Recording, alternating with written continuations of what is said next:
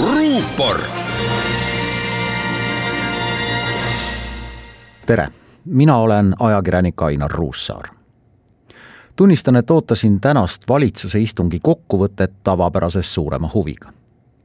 kui kõne all on viirusest tingitud piirangute võimalik leevendamine, siis see puudutabki meid kõiki nüüd jääme ootama uut nädalat ja uut valitsuse istungit, seni jätkub kõik endist viisi ma ei tea tõesti kedagi, kes teaks kedagi, kes ei sooviks võimalikult kiiresti tavapärasesse ellu tagasi pöörduda.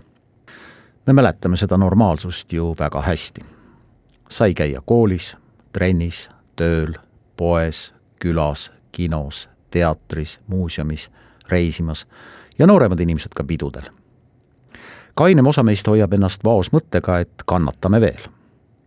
vaktsineerime üha rohkem kanname veel veidi aega maske, mida vähemalt mina leian nüüd igast oma püksi, pintsaku ja jope taskust. peseme ja desome käsi. äkki siis ikkagi tuleb suvi või kas või see veidi müstifitseeritud vaktsiinipass.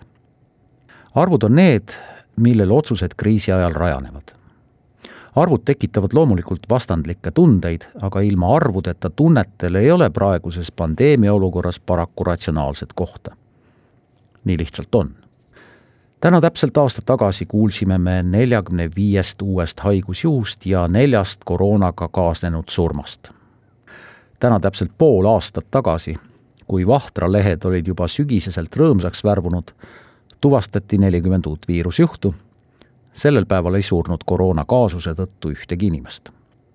kuu aega hiljem oli uusi nakatunuid kakssada kuuskümmend neli täna kolm kuud tagasi oli uusi nakatunuid kuussada kolmkümmend üks.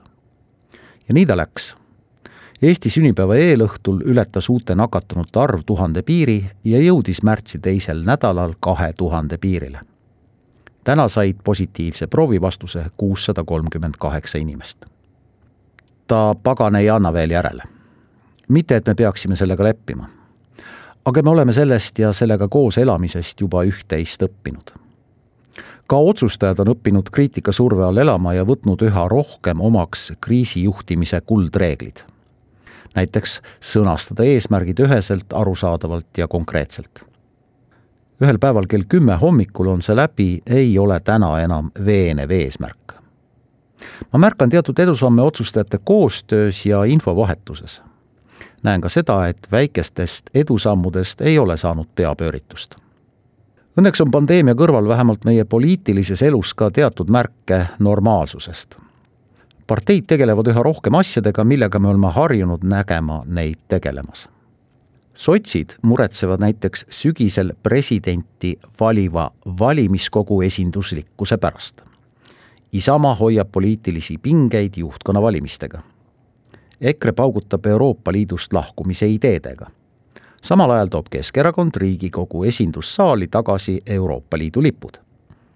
Reformierakond lubab kraavisõidu vältimiseks vajadusel vajutada gaasipedaali. nagu vanadel headel aegadel.